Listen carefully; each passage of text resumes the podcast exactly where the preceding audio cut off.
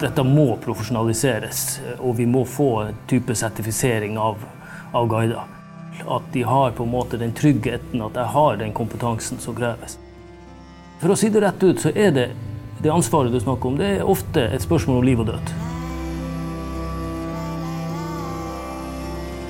Turister søker råere og sterkere opplevelser når de besøker Norge, og faren for ulykker og andre uønska hendelser øker i takt med veksten av tilreisende og operatører i markedet. Risikohåndtering i den naturbaserte opplevelsesturismen er tema i denne utgaven av Reis og ryk, en podkast fra Institutt for reiseliv og nordlige studier ved UiT, Norges arktiske universitet. Ja, altså det, det, med utfordringer det er en del av menneskesjela. Altså, vi søker utfordringer. Det er en grunn til at det lages store hopp og utfordringer i en slalåmbakke. Eh, det er rett og slett for folk liker det. Så skal vi samtidig ikke glemme eh, at den største delen av markedet eh, i denne type turisme er ute etter fred og ro, naturopplevelser, og ikke nødvendigvis sånne ekstremting. Men det betyr også at vi må tilrettelegge for det og bygge et system som gjør at de føler seg trygge. Og det betyr at vi som er ansvarlige i reiselivet, vi må tenke at risiko skal ikke minimaliseres, men reguleres. Dette er det Arild Røkkenes som forteller. Han er dosent ved Institutt for reiseliv og nordlige studier på Campus Alta. Han vet at risikostyring i reiselivet ikke er som i andre bransjer. Når eh, risiko er en del av det kunden ønsker, er det vanskelig å ta den bort uten å ødelegge produktet. Når vi snakker om helse, miljø og sikkerhet, og det regelsystemet vi har i Norge, så vil alle bedrifter hele tida kontinuerlig jobbe mot minimalisering av risiko. Altså ting som er usikkert, det skal man ikke utføre. Og du har ansatte på, på bedriften som kan stoppe et arbeid hvis de føler at risikoen er for høy. Mens i reiselivet så selger vi opplevelser. Og HMS-forskriftene de sier at vi skal passe på ansatte, gjester, andre som kan bli berørt av det du holder på med, og miljø. Eh, men i reiselivet så vil det være først og fremst faktisk gjesten som er fokus, og naturen. I Alta har Arild ansvaret for bachelor- og masterstudenter på reiselivsutdanninga, og har i mange år drevet med forskning på turisme. Nå er han i ferd med å avslutte et prosjekt hvor han har vært med på å utvikle piloten til et system for risikostyring i naturbasert reiseliv. Det, det er et ganske stort uh, nasjonalt system som skal lage kvalitetssikringssystem for uh, naturbaserte reiselivsbedrifter. Uh, det er både på kvaliteten på opplevelsen, servicen, men også sikkerhet. Så jeg har jobba med sikkerhetsdelen i lag med en som heter Sigmund Andersen, på, som jobber på Svalbard med guidestudiet. Eh, og vi har da eh, laga nå en håndbok og en del verktøy eh, for risikoidentifikasjon, risikoanalyse og produktkategorier. Sånn at kunden kan vite hva slags risiko han utsetter seg for. Og det siste der er ekstremt viktig, fordi at når vi skal øke risikoen Hvis kunden er i risiko, så skal han være orientert om hvilken risiko han har. Og den har de veldig sjelden, den kunnskapen at de vet hvor risikofylt det er. Altså Går du for første gang på topptur, så har du ikke peiling på om hvor farlig et eh, nedskred skal være, og på hvor plutselig det kan komme. Og at det er alltid en risiko for det. Eh, og det må de vite før, de, eh, før vi kan selge dem en sånn produkt. Dette er jo selvfølgelig ikke noe nytt. Risiko har alltid vært en bevisst faktor for folk som beveger seg i naturen. Men eh, turismen er en dynamisk bransje i vekst, og sikkerhetssystemene er utdatert. Ja, altså Regelverket er der. Vi har et veldig godt eh, lovsystem i Norge. Eh, problemet har vært at reiselivsbransjen har vært lite fulgt opp. Eh, sånn at kravene er på en måte ikke operasjonalisert og endra eh, sånn at de passer til reiselivsbransjen. Og du har heller ikke hatt tilsynsmyndigheter som har konsentrert seg om den reiselivsbransjen. Det betyr at det er veldig forskjellig. Eh, de fleste bedriftene driver seriøst, og de driver sikkert i sine opplevelser. Ingen ønsker ulykker. Men du har også noen som vi bruker å kalle det for cowboytilstander. Og vi ser at det, det, er ikke regulert, det er ikke sånn laga forskrifter for denne type aktiviteter. Så du kan risikere at reiselivsbedrifter har en kjempestreng oppfølging på transporten til blåmann. Men det er ingen som følger opp at de går på ski opp på Blåmann. Og alle skjønner jo at risikoen er atskillig større når du går opp på Blåmann, enn når du kjører dem ut dit.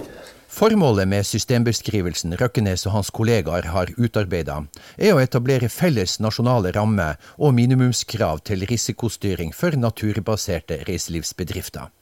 Og dette vil stille nye krav til de som ønsker å operere i markedet.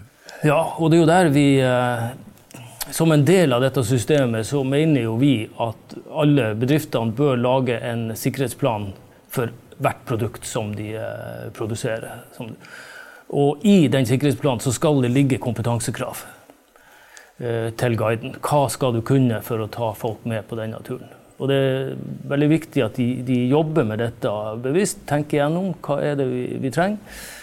Eh, og det gir jo også da ringvirkninger utover i systemet. Altså at vi må eh, ha gode guideutdanninger og, og, og, stadig forbedre dette. Og, og, etter hvert gjøre dette til en helt profesjonell bransje hvor vi har klare kriterier for hva eh, folk faktisk kan gjøre. Hva kompetanse de må ha for å, for å gjøre Ja, hva skal til for å drive havkajakk? Hva skal til for å ta uh, folk ut på mountainbiking eller terrengsykling? Og hva skal til for å få dem til å Ja, toppturer. Toppturer er for så vidt det, det eneste hvor vi har ganske greie krav. For der er det en internasjonal eh, utdanning. Men vi mangler det på stort sett alle andre aktiviteter. Kompetanse er selvfølgelig et nøkkelord, og det betyr at det må finnes tilbud til relevant utdanning. I landsdelen har reiselivsfag hatt en positiv utvikling, og nivået er høyt. Jeg vil jo si at Naturgassstudiet på Svalbard er veldig bra. Og vi har en tilsvarende versjon på, som starta i fjor på fastlandet. For Det er jo litt to ganske forskjellige behov på Svalbard og på fastlandet.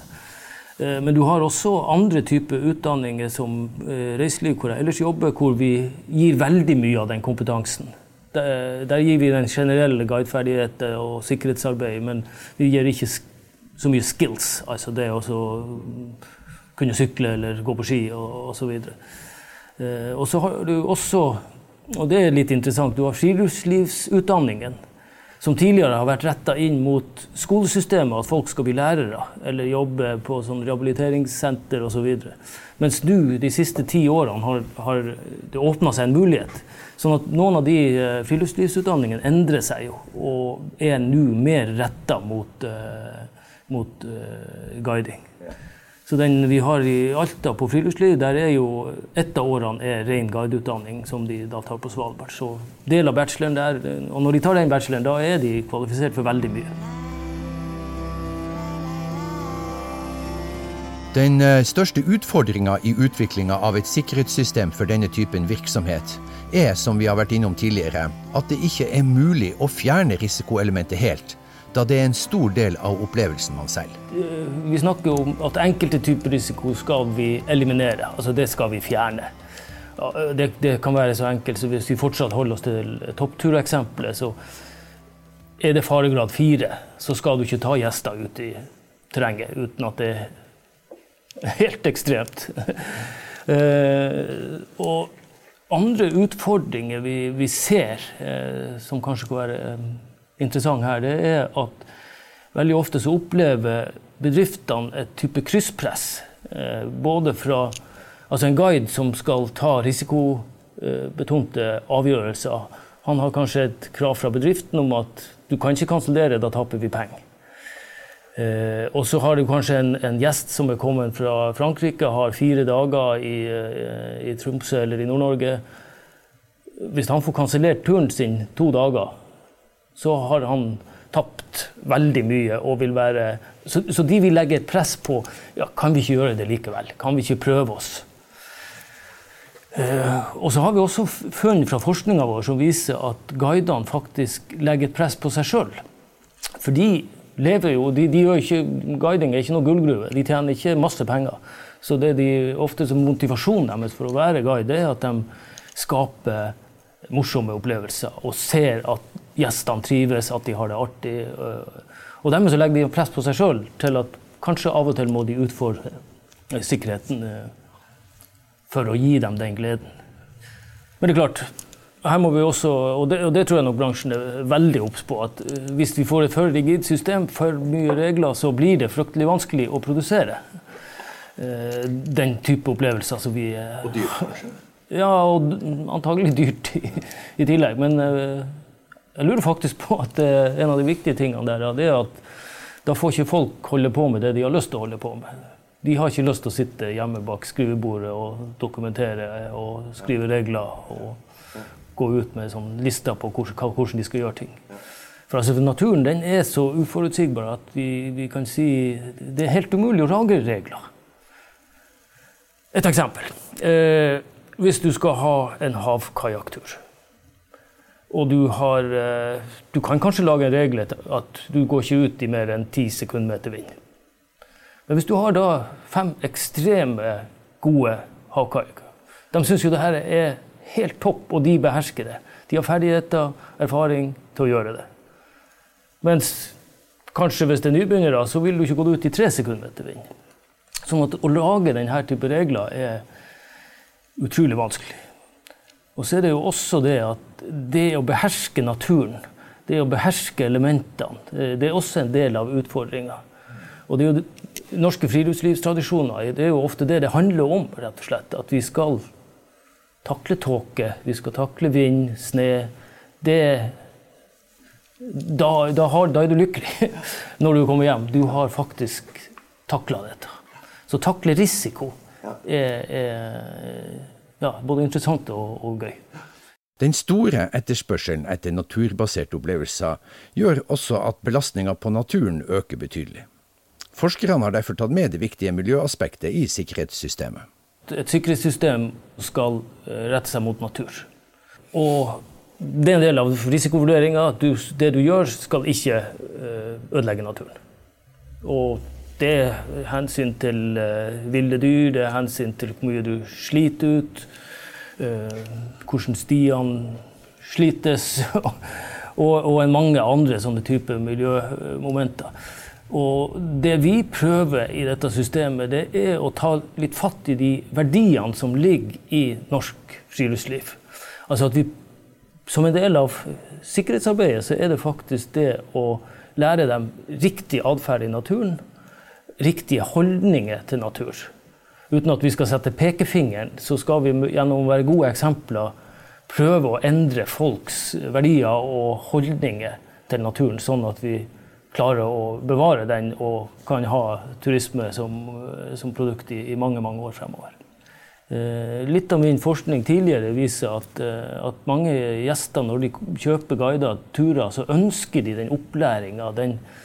Det at eh, guiden viser dem og, og, og, forteller om hvordan de skal oppføre seg i naturen. Samtidig så er faktisk mange guider litt redd for å fortelle om dette. For de er redd for å bli oppfatta som Eh, ja, ekstremnaturvernere. Eh, og de er også redd for å skape konflikt og diskusjoner i de gruppene de har med seg, hvis det blir på en måte litt sånn politisk lada. Men den, som jeg sa, den forskninga jeg har, den viser at det bør de ikke være redd for. Det er et eh, komplisert prosjekt som nå er igangsatt. Mange faktorer spiller inn, og Røknes er opptatt av at alle må bidra og at det er en prosess som kommer til å ta tid. Vi presenterer i vårt arbeid en del eksempler på gode sikkerhetsplaner i ulike typer aktiviteter. Eh, men vi vil ikke klare å dekke alle, eh, sånn at hver enkelt type aktivitet må jo utvikle dette eh, også sjøl etter hvert. Og det er vel sånn standarder blir til, det at noen går foran og setter en standard. Og der kan man jo si at eh, som ikke har vært så mye oppe, men hvis det skulle skje en ulykke, og det blir en rettssak, så vil enhver dommer spørre har du drevet forsvarlig. Og forsvarlig vil ofte være knytta til om du har fulgt gjeldende standard i bransjen. Eh, det vil si at hvis du eh, driver eh, havkajakk og har lavere kompetanse på dine guider enn konkurrentene, så har du veldig dårlige kort. Rett og slett for de kan si at du har jo ikke nok kompetanse blant dine ansatte. Sånn at jo flere som begynner å bruke et sånn type system og setter kvalitetskrav, jo nærmere kommer vi en, en standard. Ja. Tilsyn og oppfølging av denne typen systemer er i mange bransjer underlagt statlig kontroll gjennom Direktoratet for sikkerhet og beredskap, DSB. En eh, slik løsning ønsker også Røknes og hans kollegaer for reiselivsbransjen, men eh, dette er foreløpig ikke avklart. Og eh, nå er det reiselivsbransjen sjøl som tar ansvar. Ja, og der, der, har det jo vært en liten konflikt i Norge. Fordi myndighetene har liksom to av sine hender og sagt at dette må bransjen gjøre. Så dette er et rent bransjemessig prosjekt.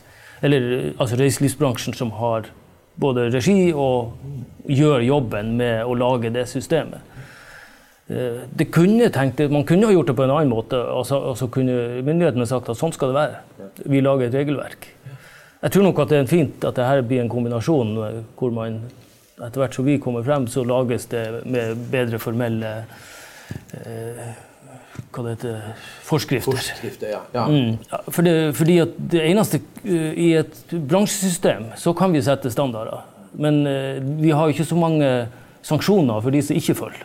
Vi kan ikke si noe annet. Vi kan det eneste det, det, er en positiv sanksjon vi har, og det er at uh, de som har ting på stell, får være med i felles markedsføring. I, mens de som ikke blir utelukka så det, det, det, er jo det eneste våpenet vi har. Mens hvis det er en eh, forskrift, så snakker vi om, om bøter og pålegg som bedriftene får, og, og tilsyn. Og Røknes mener at bransjen generelt holder en høy standard. Inntrykket mitt er at alle de som er seriøse i dag, ønsker dette mer i ordnede former. Og de har som oftest dette i ordnede former, sånn, i hvert fall sånn noenlunde. Eh, sånn at de, de, de, ønsker at dette skal eh, videreutvikles, og at det skal bli klare regler, sånn at de vet hva de har å forholde seg til.